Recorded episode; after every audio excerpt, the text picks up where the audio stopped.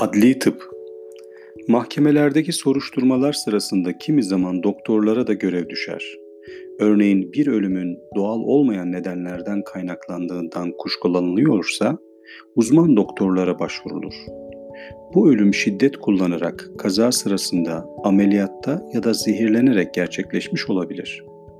Böyle durumlarda olayı inceleyen savcı ya da mahkeme ölümün nasıl gerçekleştiğini yaranın hangi silahla yapıldığını, eğer bir cinayet söz konusuysa olay sırasında katilin akıl dengesinin yerinde olup olmadığını öğrenmek isteyebilir. Bütün bu soruların yanıtlarını adli tıp uzmanı doktorlar verir. Adli tıbbın geçmişi çok eskidir.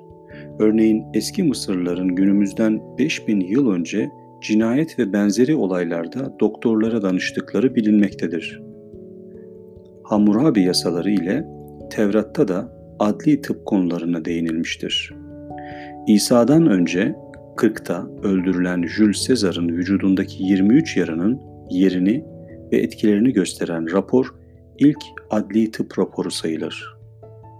Gerçek ölüm nedeninin anlaşılabilmesi için cesedin açılarak incelenmesi demek olan otopsi ise ilk kez 1374'te Fransa'da uygulanmıştır. Günümüzde hukuk ve tıp fakültesinde bir ders olarak okutulan adli tıp ilk kez 1650'de Leipzig Üniversitesi'nin ders programında yer aldı. Türkiye'de ise ilk adli tıp dersi 1849'da 2. Mahmut döneminde verildi. Bugün adli tıp konularında mahkemelere ve savcılara rapor hazırlamak Adli Tıp Kurumu'nun görevidir. Bu kuruma bağlı uzman doktorlar otopsi ve incelemelerini gerekli görülürse olay yerinde yapmak zorundadırlar.